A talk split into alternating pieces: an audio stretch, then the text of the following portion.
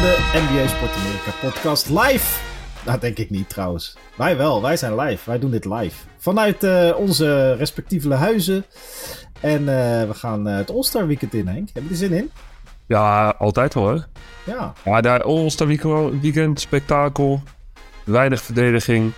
Eigenlijk um, gewoon highlights kijken, man. Ja, toch? Ja, ik, ik, ik heb, er zijn seizoenen geweest dat we met een heel clubje van onze basketbalclub dan s'nachts de All-Star wedstrijd gingen kijken bij iemand. Ah, dat doe ik niet meer. Ik, uh, ja, maar... tenzij je ervoor betaald wordt, hè, als je commentaar mag doen. Maar uh, ik ga niet meer s'nachts wakker blijven voor de wedstrijd. Doe allemaal vrijwillig. Allemaal vrijwillig, ja, dat is waar.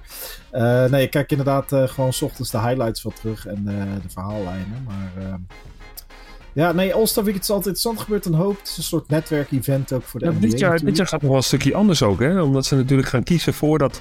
Je hebt, ja. je hebt uh, Jannes en, en, LeBron en die moeten dan kiezen voordat het gaat uh, gebeuren. Ja. ja. Voordat de, de, van een half uurtje van tevoren. Ja, dus het is een beetje ouderwets. En je ziet ook gelijk de reacties van de spelers die dan als laatste worden gekozen. Ja, en ze hebben om te voorkomen dat het altijd dramatisch wordt, hebben ze, gaan ze eerst de reserves kiezen. En daarna pas de starters. Maar goed, dat betekent dus dat een van de starters, ik zit even te kijken, dat zal dan wel. Uh, ja, ja, Kyrie Irving is een starter. uh, dus de, ja, een van de starters wordt als allerlaatste gekozen door. Uh, ik weet wel wat dat is, denk ik. Ik denk dat het Laurie Markkanen is. Ja, dat is waar. Ja, ja, ja ik zie het nu ook. Ja, Laurie Markkanen zal wel als laatste gekozen worden. Ja, tenzij LeBron natuurlijk weer iets. Ja, het ligt er ook aan wie, wie je hebt natuurlijk in je, in je reserves, hè? Ja, ja, precies. Dus uh, LeBron, de GM, we hebben hem gezien bij de Lakers de afgelopen jaren. Niet de beste GM in de wereld. Maar. Uh... Ja, ja, GM nog vooral namen, hè? Dus wellicht dat hij nu even wat meer, uh, meer actie wil. Ja, ja is een speler ook voor een goed doel. Dus elk kwart dan voor een goed doel. En dan, als het dan na het derde kwart. Dan staat één team op, nou laten we zeggen, voor het gemak dat het 100 tegen 90 staat. En dan spelen ze tot en met 124. Maar het zal waarschijnlijk dan tot en met 224 worden. Want verdedigen, daar doen ze meestal niet aan. In de... Nee, nee, nee. Pas in dat laatste kwart waarschijnlijk. Als, uh, hè, als, uh, de, de vorig jaar was het laatste kwart en het jaar daarvoor met het nieuwe systeem redelijk competitief. Maar de eerste drie kwart is vooral uh, showboten, gallery play. Een beetje zoals onze pick-up game twee weken geleden eigenlijk. met het ESPN. Jij, dat ik de alley naar jou toe gooi en jij ze achterover verdunkt en dat soort Zag dingen. je dat? Ja, dat was niet normaal joh. Bijna nog geblokt met die alley dunk door Sanne. Ja, zo gaan die dingen. Um, maar uh, nee, nee. En uh, de, ja, het All-Star Weekend, ik zal het programma er even bij halen. Want, ach, mensen. Maar we hebben het getest, hè? Ja, er, er, uh, er is van alles aan de hand. Even kijken hoor. We gaan. dit had ik natuurlijk al eerder kunnen doen. We gaan.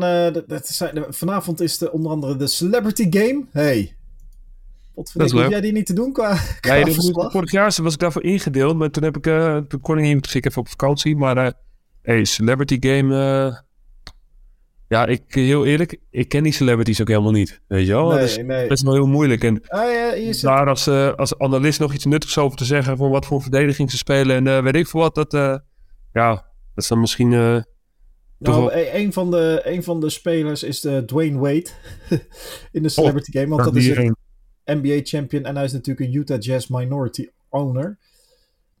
Maar oh, Hassan Minaj speelt mee, comedian. Die ken ik toevallig wel. En 21 Savage, de rapper, heb ik wel eens van gehoord. Maar verder, uh, nee, het is allemaal een gezelschap. Ik kan me herinneren dat Justin Timberlake ooit nog... Nee, niet Timberlake, Justin Bieber. Bieber ooit nog, ja, Justin Bieber deed ooit mee. Hart. Ja, precies. Dat waren, uh, dat waren mooie, ja, uh, mooie... Om daar de hele wedstrijd naar te kijken. Hè, is leuk om hem een keer te zien. Justin... Ja.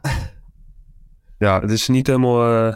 Nee, nee de, de, Celebrity Game uh, zou je kunnen overslaan. Ja, nou dan hebben we daar nog de Jordan Rising Stars. Een three-game mini-tournament uh, geeft een, uh, de laatste het jongste talent in de NBA zien. Zeven van de tien overall, top 10 overall draft picks van de laatste twee jaar gaan tegen elkaar spelen. Coach door onder andere Pau Gasol, Joe Noah, Darren Williams, Jason Terry. Hoppa, allemaal classic guys die gaan coachen. Leuk man. Uh, ja, Power Soul krijgt binnenkort zijn jersey retirement hè, in, uh, bij de Lakers. Ja, nou dan gebeurt er ook nog iets. Ze hebben een hoop uh, hoogtepunten dit jaar die niks met winnend basketbal te maken hebben bij de Lakers. Nee, maar ze proberen juist allemaal dingen, volgens mij, dat er dan toch nog mensen blijven komen. Het is natuurlijk, het is, het is een business. Het is een business. Ja, en mensen die blijven LeBron ook nog gewoon graag zien. Ja, nee, zeker. Nou ja, dan hebben we op zaterdag hebben we All-Star Night, Saturday Night Skills Challenge. Met uh, team Antetokounmpo. De drie broers gaan uh, met elkaar de Skills Challenge aan tegen de team Jazz. Want het is natuurlijk bij Utah Jazz, dus er zal bij elk onderdeel ook een speler van de Jazz meedoen. Uh, en de rookies, dus ze gaan dan de Skills Challenge doen. We hebben een drie, drie punt wedstrijd. Met Tyrese Halliburton, Tyler Hero, Buddy Hield, Kevin Hurter, Damon Lillard, Laurie Markkanen, Anthony Simmons en Jason Tatum. Maar volgens ik mij gaat Simmons... dat Lillard hem gaat winnen. Dat denk ik ook, ja. Het zal wel Lillard tegen Hero worden of Lillard tegen Tatum. Maar goed. Maar toch, uh, toch, is dat, toch, toch kun je dat niet helemaal perfect inschatten. Want die, die, die statige drie punten zo achter elkaar. Dat is toch een ander soort drie punten dan in de wedstrijd als je verdedigd wordt en over screens moet komen. En, heel, en misschien dat Lillard zoiets heeft van, nou, ik schiet gewoon een beetje. En dat het hem eigenlijk heel weinig interesseert. En dat dan misschien dan de wat onbekendere namen, dat die juist wat meer gefocust zijn. En dat die juist er sowieso weer een klein beetje bekend worden. Want dan heb je wel, hey, uh, we hebben de three-point champion in huis. in huis. Ik heb uh, uh, het, mooiste verhaal van de, de drie-punt-wedstrijd is toen Larry Bird meedeed. Dus dan hebben we het echt over de jaren 80, jaren, eind jaren 80. Dat Larry Bird de kleedkamer inkomt voor de drie-punt contest, om zich heen kijkt. En dat iemand zo een beetje ongemakkelijk vraagt, een van de andere deelnemers, joh, wat uh, gaat het goed? Wat is er? Hij zegt, ja, kom even kijken wie er allemaal uh, tweede en derde en vierde en vijfde en zesde wordt. En dan liep hij weg en toen won hij hem. Dus dat is wel, uh, ja, dat is, dan ben je nice. Ja, heb jij wel eens met, want jij hebt denk ik ook wel eens een paar keer All-Star weekendjes, celebrity games in je nee, dat, dat, dat, doen ze in Spanje niet zoveel, man. Nee, dat doen ze, dan gaat het gewoon om het echte basketbal. wat ze nu in Spanje aan de gang is, is, uh, is uh, de Copa del Rey. Oftewel ja. de King Cup. Oftewel de Cup van de Koning. En dan gaan de top 8 teams van de 18. Dus die naar de eerste ronde. Uh, die gaan dan tegen elkaar, die gaan tegen elkaar spelen in het toernooi. Toevallig dit jaar in Badalona. Oh. En de grote verrassing is vannacht al geweest. Of vannacht. Ik zeg vannacht, gisteravond gewoon. Hè. In Spanje is gewoon dezelfde tijd als hier. Nederlandse tijd. Ja. Malaga die heeft, uh, die heeft Barcelona uitgeschakeld. Dus hey, maar zit er niet, uh, volgens mij zit er bij Malaga een gozer uit Nederland, toch? Bij Malaga zit geen gozer uit Nederland. Er, eh, er is een jongen die uh, van ons. is Malaga, is dat Unicaya? Ja. Ja. Ja, die hebben Barcelona uitgeschakeld. Nou, in de proroga, dus oftewel in de, in de overtime. Dus dat is wel heel tof. Dus die zijn nu in de halve finale. Tegen Real Madrid moeten ze dan. En uh, vanavond uh, moet Barcelona tegen volgens mij Tenerife spelen. Dat weet ik niet helemaal zeker. Uh, en er is nog een, nog een wedstrijd. Moet ik het even opzoeken. Maar ik ga Barcelona sowieso kijken. En want daar speelt onze Jannie Kraag. En die is volgende week ook weer te bewonderen in, in Almere. Want dan, hey, met het Nederlands team. Nederlands team. Nederland gaat tegen Georgië spelen. En oh. dat is de 23ste. Dan ga ik ook even voor Nederlands basketbal promotie maken. Voor mij zijn er nog steeds kaarten.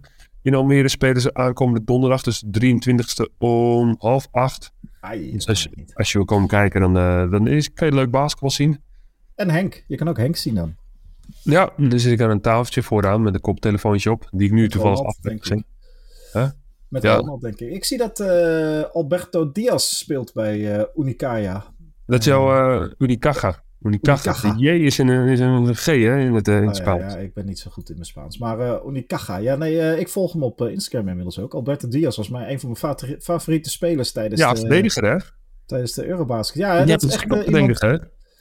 Ja, ik, ik, ik, ik, ik hou wel van dat soort spelers. Die niet per se hoeven te scoren, maar die verdedigend gewoon een plaag zijn. Ja. Precies, ja. Dat, dat, dat, wordt wel eens vergeten. Hè? Soms de jeugd die, die, die af en toe misschien iets te veel highlights wil in plaats van echt degelijke, goed basketbal spelen. En dat, en dat begint heel vaak in de verdediging of, in, of gewoon je tegenstander moeilijk maken. En voor de grote man is het dan vaak gewoon heel veel rebounds pakken en een base zijn onder het bord. Ja, nee, uh, ja iets wat ik uh, echt nog nooit heb gedaan. Maar goed, anyway. Um, dan hebben we allemaal even terug te keren naar de All-Star. We hebben een klein uitstapje in het Europees basketbal. Altijd leuk. Uh, we hebben ook nog natuurlijk de beroemde, altijd teleurstellende Slam Dunk contest op zaterdagavond. Het zou altijd de highlight moeten zijn, maar eigenlijk sinds die...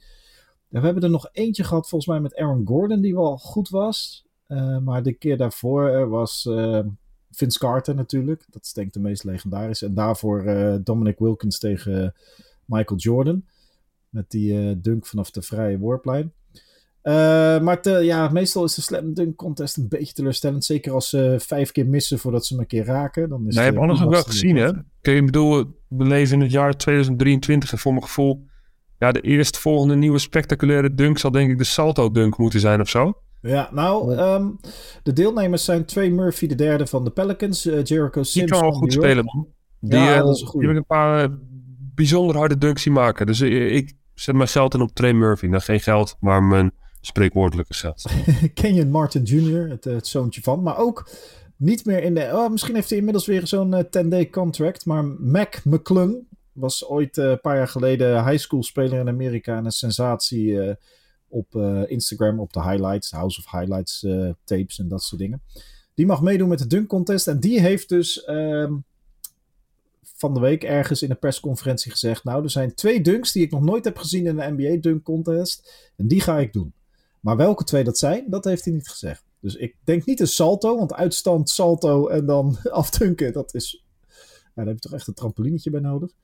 Maar uh, hij zegt dat hij er twee heeft die... Uh... Weet je, misschien uh, over een tractor heen springen of zo. een tractor, ja. Dan worden auto's, we hebben de motor gezien, dus ik weet niet waar ze overheen gaan springen. Ja, uh, Blake Griffin die onterecht de dunk contest won omdat hij over de motorkap van een Kia heen dunkte. Terwijl JaVale McGee twee ballen tegelijk op twee baskets afdunkte in diezelfde contest. En die won niet. Ja, dat vond ik uh, schandaal. Ja, ja, vind eigenlijk attributen erbij. Ook een tweede basket en zo. Het is eigenlijk gewoon het knapste als je echt gewoon in de lucht iets ontzettend acrobatisch moet doen. Het is een beetje een, uh, een beetje Bassie en Adriaan gehaald. Hè? Dus het moet acrobatisch en vermakelijk zijn. We hebben Dwight Howard in een Superman-pak gezien. We hebben, uiteraard worden er altijd teamgenoten erbij gehaald. Met uh, die balletjes opgooien of waar je overheen Wordt die kleine ook alweer van de New York Knicks? Die heeft ook uh, meegedaan, toch? Uh, Nate Robinson. Nate Robinson, ja. ja. Die heeft hem ook gewonnen, ja. Dat is, Spud Webb heeft hem een keer gewonnen. Uit de jaren 80, kleine gozer. Van de Atlanta Hawks. en er is zo'n dunk, volgens mij was dat Gerald Green ooit. Die trouwens ook in wedstrijd gigantisch hard kon dunken. maar die had een dunk waarbij die maar dat zag niemand in het stadion. Niemand wist wat hij nou deed. Het zag eruit als een, gewoon een normale harde dunk. Maar tijdens de dunk blies hij een kaarsje uit op een cupcake die op de achterkant van de ring stond. Alleen, ja, op camera komt dat heel goed over. Maar in het stadion had niemand door wat hij nou precies deed. Zag er gewoon uit als een dunk. Maar dan moet je vrij hoog springen om een kaarsje uit te blazen. op een cupcake. Of je wordt blazen, Maar goed, dat is uh, ongeveer het niveau van de NBA Dunk Contest. Dus dat is uh, All-Star. Uh, Wie denk je dat gaat winnen? Um, Murphy. Ja, jij zegt twee Murphy. Ik, uh, ik, heb, uh, ik, de, ik geef uh, die McClung wel een goede kans als die inderdaad met twee dunks komt die nooit iemand heeft. Drie punten contest? ja, ik, ik ga voor de. Ik ga voor, ik ga voor de thuis, thuisspelen, man. Laurie Markkanen. Ik denk dat, die, dat de drie punt contest de kerst op de taart van zijn seizoen wordt. Ja, nee, dat is, dat, dat is niet de kerst op de taart van je seizoen hoor. Drie punt contest. Nee, de wordt, uh, de, wordt denk ik dat hij dan uh, All-NBA team of zoiets. Uh, ja, tweede, ja, dat zeker. Tweede All-NBA, zoiets. En uh, ja, en wellicht komt hij heel ver in de playoffs. Maar dat gaat wel weer lastig worden nu. Nee, zeker. En uh, inmiddels uh, zijn we een week na de trade deadline. We hebben uh, Kyrie Irving en uh, Doncic samen zien spelen, twee keer zien verliezen. Aan het eind van de laatste wedstrijd, volgens mij tegen de Wolves, werden ze heel goed verdedigd. Toen wisten ze even niet zo goed wat ze nou met die bal aan moesten. En verloren ze. Maar we zitten inmiddels qua trade seizoen in, in, in de buy-out weken. En dat betekent dat spelers die verhandeld zijn, maar die waarschijnlijk nooit een minuut gaan spelen voor het team waar ze heen gingen, dat die nu op de markt komen. denk aan Patrick Beverly, die misschien terug gaat naar Minnesota. Uh, Dwayne Dedmond is volgens mij inmiddels vastgelegd. Maar de grootste naam van alle buyout guys is. Kevin Love is gisteren gebuy-out, zullen we maar zeggen. Dus die gaat ook nog naar een contender. Terrence Ross is volgens mij naar Phoenix gegaan. Maar de grootste speler is natuurlijk, de grootste naam in ieder geval, niet de grootste speler, is Russell Westbrook. En die schijnt in gesprek te zijn met de LA Clippers. Dus dan kan hij gewoon zijn huisje aanhouden in LA. Dat, dat is, wel lekker. Dat is wel lekker. En dan in een eigen, ja, hij zal zijn revenge willen tegen de Lakers. Ja. Maar ik hoor wel allemaal verhalen dat de hele lieve jongen is eigenlijk. Terwijl hij op het veld niet zo overkomt. Dus dat hij, dat hij veel tip geeft in de bubbel en zo. Ik weet niet of je ook zulke soort verhalen Ja, ja, ja, in de bubbel had hij echt Dat dan deed hij nog even in Los Angeles, voordat hij wegging of zoiets, dat hij daar nog even 400 schoenen heeft gedoneerd aan een of ander goed doel en aan kinderen of zo die dat nodig hebben. Dus, dus hij heeft wel het hart op de goede plek zitten hoor. Ja, maar misschien is het ook wel een beetje, een beetje schuld afkopen. Dat je 47 miljoen per jaar verdient, maar geen pepernoot raak schiet. Dat je denkt, ja, misschien moet ik ja, maar dan had ook weggeven. Maar dat deed hij... De... Kijk, eigenlijk kan je me niks kwalijk nemen. Hè? Want nee, hij wordt van hem gevraagd om heel ander basketbal te spelen dan dat hij altijd speelde. Dus hij was, hij was altijd een beetje de man die, die heel die bal pakte naar voren denderde en dan heel hard door de baas ramde. Nou, dan wordt hij nou ook een stukje ouder, dus dat zien we steeds iets minder vaak terug. En ja, hij heeft gewoon minder de bal in zijn handen dan dat hij daarvoor had. Dus het is best wel, ja... Ik denk dat het gewoon uh, van, van de Lakers niet al te slim is geweest om hem te halen. Nee, dat was een hele domme zet. Uh, maar, en dat vergeten we nog, we hebben het ook wel eens hierover gehad tijdens, uh, over, daarover gesproken, toen Ben Simmons mentaal zwak zat. Dus dat we natuurlijk, kijk, het zijn voor, op een gegeven moment worden die NBA-spelers, zeker als, er wordt nu gewoon gehandeld in NBA-spelers. dat is het, het lot van een topatleet. Nou verdienen ze heel veel, dus op dat vlak hoef je geen medelijden met ze te hebben. Maar het zijn wel gewoon, eh, we vergeten soms wel eens dat topatleten ook gewoon mensen zijn. Ja, ja het wordt, je wordt gezien als product, hè. Dus je, wordt, je wordt verhandeld en, en ook, ook ik heb altijd heel erg met spelers die veel geblesseerd zijn. Weet je wel, als het even heel erg makkelijk vertalen naar, naar het voetbal, naar Robben en zo. En iedereen zegt, ja, Robben moet stoppen, weet ik veel wat. Hij is zo vaak geblesseerd, man van glas. En ik vind juist heb ik zo, de, de, de, die gast die raakt, die moet zoveel van het spel houden. Zo vaak geblesseerd geweest. Elke keer weer die mentale klap te voortduren om weer te herstellen en weer terug te komen. En dan door te gaan, dan moet je echt mentaal moet je ijzersterk zijn om dat te, om dat te kunnen. Ja. ja, precies. Want op het moment dat je 100 miljoen hebt, dan, dan, dan speel je niet meer voor die extra miljoenen die je nog... Dan speel je alleen nog maar voor legacy. En dan speel je alleen nog maar voor... Ja, even heel cliché. houdt. Love for the game. Ja, ja. nou zeker. Zeker. En uh, kijk, zo'n Russell Westbrook heeft een, uh, bijvoorbeeld een goed voorbeeld. Een lange carrière, heeft een bepaald imago. Uh, kijk, en nu komt er weer heel veel PR naar buiten. Dat het, weet je, eerst was het de PR vanuit de LA Lakers dat hij de vampier in de kleedkamer was.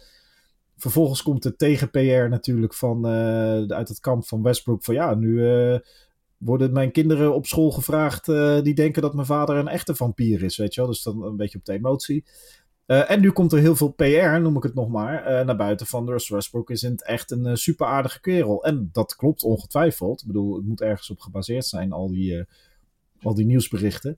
Maar wat ik maar wil zeggen, je wordt op een gegeven moment een soort karikatuur, weet je wel. Wij hebben het over Russell Westbrook, het karikatuur. En dan denken we aan, nou ja, zijn gezichtsuitdrukkingen, zijn gemiste schoten. Maar het is ook gewoon een mens, het is ook gewoon een vader. op onze lip, hè? Ja, precies. Ja, ja, zeker. Het is ook gewoon een vader. Het is een, uh, het is een, uh, een partner van iemand. Hij heeft, het is gewoon een mens zoals wij allemaal met gevoelens. En die niet altijd even... Het hebben tegenstrijdigheden en raar gedrag zoals wij allemaal wel eens hebben. En dat vergeten we. We maken er zo vaak een karikatuur van. En dan gaan we op dat karikatuur schieten. Hè, met, uh, iedereen op het internet doet dan een hoopje op het karikatuur Russell Westbrook. Maar die jongen die leest dat ook gewoon. Die heeft ook gewoon gevoel. Dus ik, dat, uh, ik heb het idee dat bij Simmons dat een beetje te veel is geworden. Want die, die, die doet echt helemaal niks meer nu. Die heeft natuurlijk zoveel shit over zich heen gekregen de nou. laatste jaren. En zit zelf ook een beetje in de knoop met zichzelf. Uh, nou, ik denk, denk, dat die jongen gewoon eventjes een... Ja, dat heeft hij natuurlijk al gehad, een time-out. Maar het is best wel... Het is ook best wel moeilijk om weg te stappen van het spel. Hè? Je, je, hebt een moment in je carrière dat je misschien best wel de basketbal en hetgeen wat je doet best wel kan haten. Terwijl je eigenlijk het leukste doet wat er is. En is het moeilijk om het weer ja, leuk te gaan vinden en proberen alles wat mensen van je zeggen, om dat even aan de kant te houden. Ja. Want dat, dat is, ja, dat... Uh, ik heb ook toen in de tijd, ik had uh, Twitter en ik was ook redelijk veel geblesseerd. Uh, je krijgt gewoon een hoop shit over je heen. Mensen die, die, die, die, die roepen gewoon een hoop troep naar je. En dan denk je, waarom doe ik het nog, weet je wel? En uiteindelijk kom je er wel achter van, hé, hey, basketbal doe ik omdat ik het gewoon het allerleukst vind. En nog steeds zou ik het allerliefst nu gewoon willen basketballen. Weet je, en ik, eh, ik, zou, zou bijna alles ruilen om, om, om gewoon weer terug te gaan en uh, ja, weer even uh, weer, weer een wedstrijd te spelen en je fit te voelen. Ja. Tenminste, wedstrijd fit te voelen. Ik voel me gewoon fit nu hoor, maar en, en die ballen anders. Het is, het, het is het allerleukste wat er is. Alleen soms is de, is, zijn er omstandigheden die maken het een beetje, moet ook niet te erg maken, maar soms maken de omstandigheden het een beetje toxic allemaal. Ja, nou 100%. En ik denk dat, dat, uh, dat, uh, dat dit ook een belangrijk perspectief van topsport is. Dat we dat uh, met z'n allen niet vergeten. Want het is leuk. Zeker in de NBA, wat, ik, wat, wat, wat eigenlijk. NBA maakt het ook. Dat je als speler gewoon niks te zeggen hebt. Maakt het misschien nog wel, nog wel heftiger. Dat je gewoon. Hè, stel je voor, je zit met je kinderen. De kinderen van Russell Westbrook hebben daar zin in Los Angeles op school. En nou, dan moet hij nu naar de, naar de andere kant van Amerika, weet je wel. Dat is als dat, dat, dat, dat heb je dan eventjes gewoon, ja, als je niet geweefd wordt, dan moet je daar maar gaan spelen. En dan ja, word je weggehaald bij, ja, die, aan de andere kant, je vriend 47 miljoen. Zou je het doen voor 47 miljoen? Ja, dat zou ik ook doen. Maar ik zou het doen voor het basketbal. als je het geld even weglaat, dan is het, is het wel. Uh, is nou, er zit, een heel, er, zit een hele, er zit een hele menselijke maat zit daarachter natuurlijk. Want ook voor, ik noem maar wat, gasten als uh, Peutel. Die, Poetel, Poetel. Die is natuurlijk van, uh, van de Spurs is die naar Toronto gegaan. Die moet emigreren naar een ander land. En hij is al, want hij komt natuurlijk hier uit Europa vandaan. Dus, maar ik ken zijn gezinssituatie niet verder. Maar dat betekent dat papa te horen krijgt ineens uit het niks. Oh ja, morgen moet je naar een ander land om daar te gaan wonen, werken en spelen. Ja. Dan kun je dat natuurlijk in eerste instantie zonder je gezin doen een paar weken. Maar ja, je wil je gezin bij je hebben. Dus je moet alles gaan regelen. Daar zul je ook wel mensen voor hebben, maar dan nog.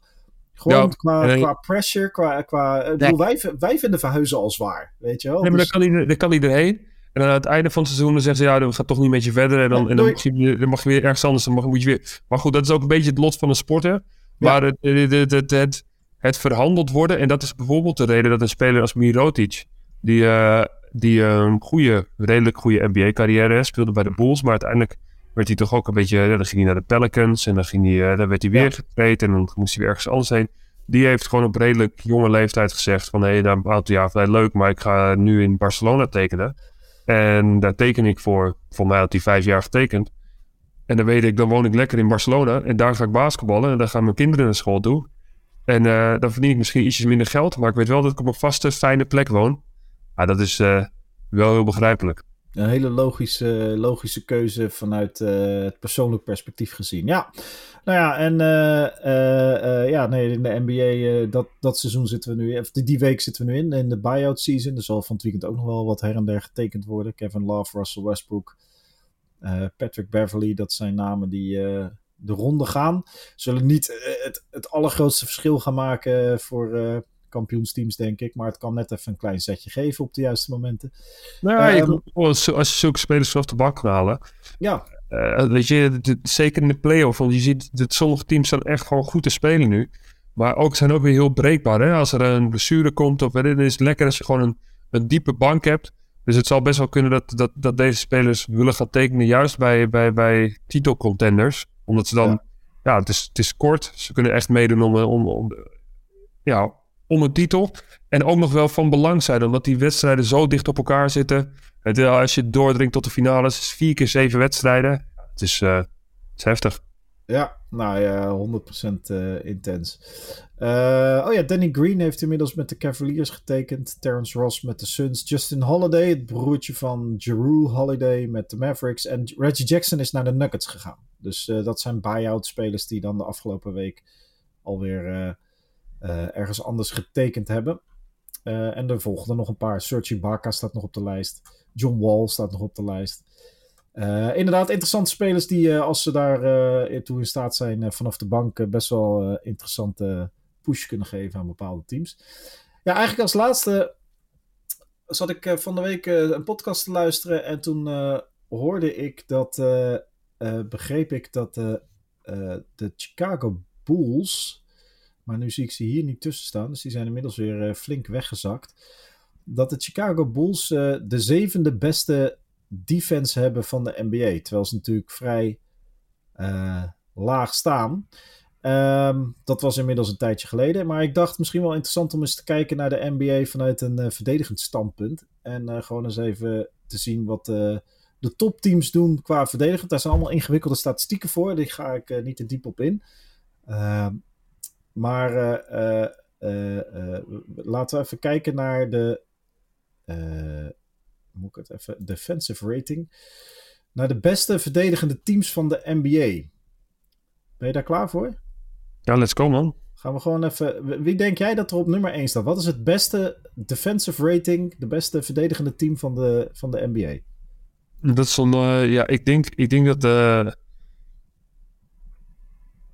ik denk de Nuggets. Nou, dat zal je verbazen. ik heb geen idee, man. Nee, het is lastig, het is ook lastig, want ik zou dit ook niet uit mijn hoofd weten, hoor. Ik heb de lijst hier voor me. Uh, ik zou misschien zelf denken de Bucks, maar die staan uh, tweede. Nee, de Nuggets staan dertiende. Zijn het dertiende beste verdedigende team op dit moment. Zijn ze heel goed aanvallend, hè? Dan zijn ze heel goed aanvallend, ja. ja, ja. Neem, neem bijvoorbeeld zoiets als... Hey, nou, nog een um, het zou me ook niet zo bazen als uh, Sacramento misschien heel hoog zou. Uh, Sacramento staat nee, ook heel goed aanvallend. Net als de Dallas Mavericks. Sacramento staat 22e en Dallas Mavericks 24e. Nee, die okay, bovenaan nou, staan. Ik, wel, je, ik val volledig door de mand hier, hè? ja, dat geeft niet, want ik had dit ook niet. Nee, bovenaan staan de Cleveland Cavaliers. Ja, ja dat, uh, dat kan ook. En dat uh, op zich, als je erover nadenkt, met Jared Allen en Evan Mobley. maar de Bucks staan tweede, de Grizzlies staan derde. Dat had ik nooit verwacht. Die had ik veel lager ingeschat. Uh, Boston Celtics vierde. Miami Heat vijfde.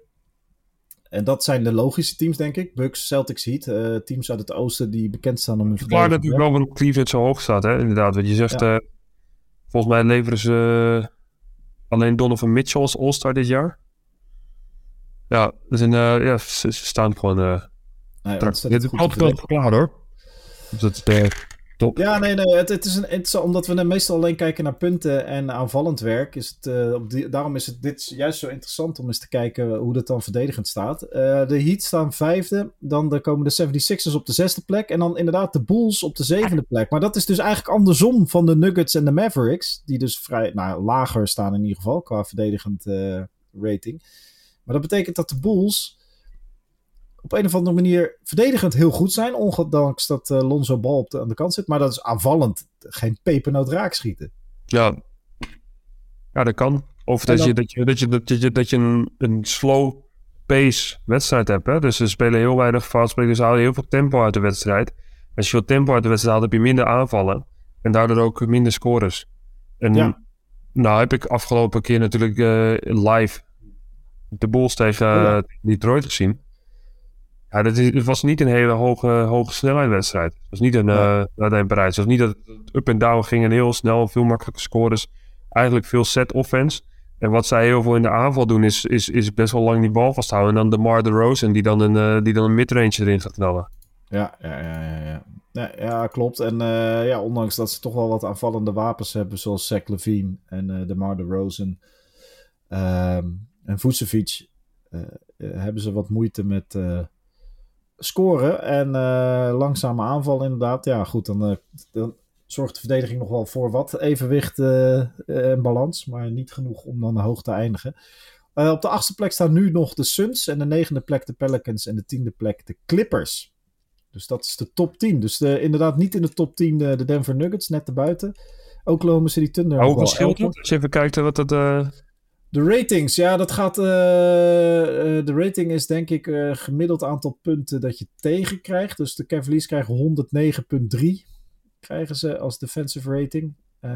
En de Nuggets hebben 113, dus dat scheelt 4 punten ongeveer. Ja, dus dat, dus dat is eigenlijk, eigenlijk is dat haast minimaal, hè? Nee, nee, is minimaal. Onderaan Portland Trailblazers, die hebben verdedigend gewoon een issue. ondanks dat. de Lakers er ook heel laag, hè? Lakers staan uh, ja, ja, 18e, gewoon middenmoot inderdaad. En uh, de Pistons staan 29e. Dat verklaart ook waarom die wedstrijd in Parijs niet het meest spectaculair was. En, uh, want die kunnen gewoon niet zoveel. En de San Antonio Spurs staan ruim onderaan, 119,8. Dus het rijtje top 10 of het rijtje top 5 de beste verdedigende teams op dit moment in de NBA. Cavaliers, Bucks, Grizzlies, Celtics, Heat en dan 76ers en Bulls is eigenlijk vooral het oosten. Dus blijkbaar in het westen zijn ze heel goed in scoren. En in het oosten zijn ze heel goed in verdedigen. En dat maakt natuurlijk de NBA Finals uiteindelijk wel uh, een interessante matchup. Want dat zal waarschijnlijk gaan tussen een team dat goed kan verdedigen en redelijk kan scoren. En een team dat goed kan aanvallen, makkelijk scoort en redelijk kan verdedigen. Want je moet natuurlijk ja. beide kunnen om de finals te halen. Uh, dus dat, uh, dat is wel interessant. Ja, en, en Het valt me bijvoorbeeld op dat de Dallas Mavericks heel laag staan, ook 24ste. En dat... Uh... Ja, dat zijn ook wel echt wel aanvallende teams, hè? Ja, ja, en weinig uh, met Irving en Doncic. Uh, nou ja, goed, Doncic zou wel moeten kunnen. En dan was er wat, wat, wat, um, Brooklyn Nets bijvoorbeeld, toen die tweede nog speelden. Die waren ook be behoorlijk slecht in. Uh, die stonden bijna laatst in het aantal rebounds dat ze pakten. Dat is ook een element wat. Ja, als je meer rebounds pakt, heb je meer aanvallen, heb je meer. Zijn goed te verdedigen, maar die pakte bijna geen. Stonden volgens mij 29ste toe. Ja, nee, klopt. En als je kijkt naar het rijtje van hoeveel second chance points geef je de tegenstander. Dus uh, inderdaad, hoeveel aanvallende rebounden pakt jouw tegenstander? Dus hoe slecht verdedig je? Dan staan de Chicago Bulls bovenaan. Dus die geven bijna geen aanvallende rebounds weg. En dan de Miami Heat, dan de Cavaliers, Raptors, Nuggets. Dus dat doen de Nuggets dan wel weer heel goed. Um, en dan staan de Brooklyn Nets inderdaad vrij laag met de Lakers. En ook de Grizzlies trouwens. Staan allemaal een beetje onderaan. Dus dat is... Uh, dat zijn allemaal van die details die wij hadden, om, hè, over hetzelfde niveau gesproken. Wij hadden met onze onder 10 van mijn zoontje hadden we een wedstrijd afgelopen zaterdag tegen de nummer laatst. Zijn we echt afgedroogd. Er zat gewoon geen focus, geen energie in ons team. Uh, maar de reden dat we verloren is dat wij heel veel moeite hadden om te scoren. Uh, we gooiden veel mis. Dan hadden we vervolgens zelfs de rebound niet. De tegenstander had een beetje hetzelfde verhaal. Gooide ook veel mis, maar die pakte alle aanvallende rebounds. Ja. Ja, en, dan, en dan sta je vrij onder het bord. Dat heb ik ook, man. Ik heb hier ook de onder 10 en dan, dan dat moet ik ze echt voor elke wedstrijd ook zeggen. Van hey, zorg dat je de, zorg dat als ze schieten, prima, maar daarna springen voor. Want wat je ziet bij die hele kleintjes, ja, die gaan gewoon staan kijken. Kijken, die, ja. Gewoon, en dan, nee, dit moet ervoor. Ja, dan, dan ben je als coach, ga je heel hard roepen. Maar ja, je wil ook niet die coach zijn dat iedereen denkt van, wat een... Uh, Hou je bek is. Ja, ja is dat die, uh, is dat die gozer van... Uh, van ESPN. Oh, oh, oh. ja, mooi. Nee, dat, uh, dus uh, het geeft maar weer aan dat je met aanvallende rebounds uh, weggeven wedstrijden kan verliezen. En met aanvallende rebounds pakken je ze kan winnen. En dat verdedigen gewoon een heel belangrijk component is. Sommigen zeggen zelf defense wins championships en offense wins games. Dus essentieel onderdeel. Nou, we gaan nu kijken. En we gaan toevallig nu dus naar een weekend. Dat is het mooie, het, het, het draadje. Waar geen defense wordt gespeeld. Geen defense wordt gespeeld. Dus nee. dit wordt puur highlights, highlights, highlights. Ja, en, en, en dat is mijn laatste, uh, want dan zijn we terug bij de All-Star. telt zo'n highlight dan wel? Ik bedoel, atletisch, ja, fantastisch. Dunk door je benen via het bord achterstevoren tijdens een wedstrijd. Maar het is met All-Star defense in plaats van. Mij is het, voor mij is het eigenlijk een, um, ja, een eenmalige versie van de, van de Harlem Globetrotters. Eigenlijk alleen maar met hele grote namen. En voor kinderen is het wel echt heel tof. Weet je wel, ja, het is eigenlijk gewoon een.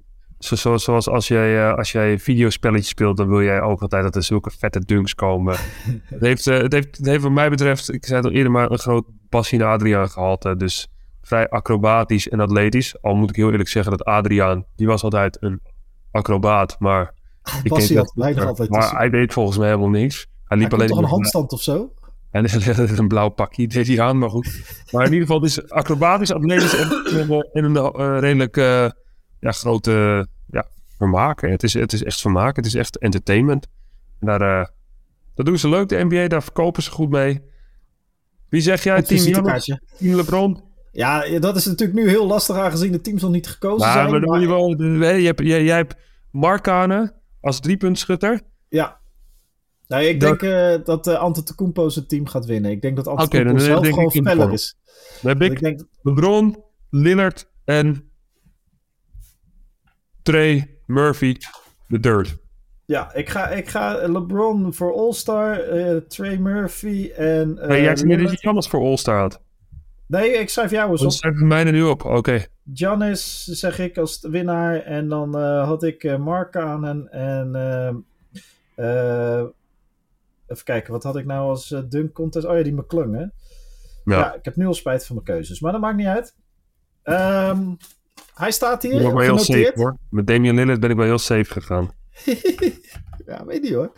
Uh, we gaan eens kijken wie, er, uh, wie deze pakt. En uh, dat gaan we volgende week bespreken. Het is All-Star Weekend. Jij bent, doet verslag of niet?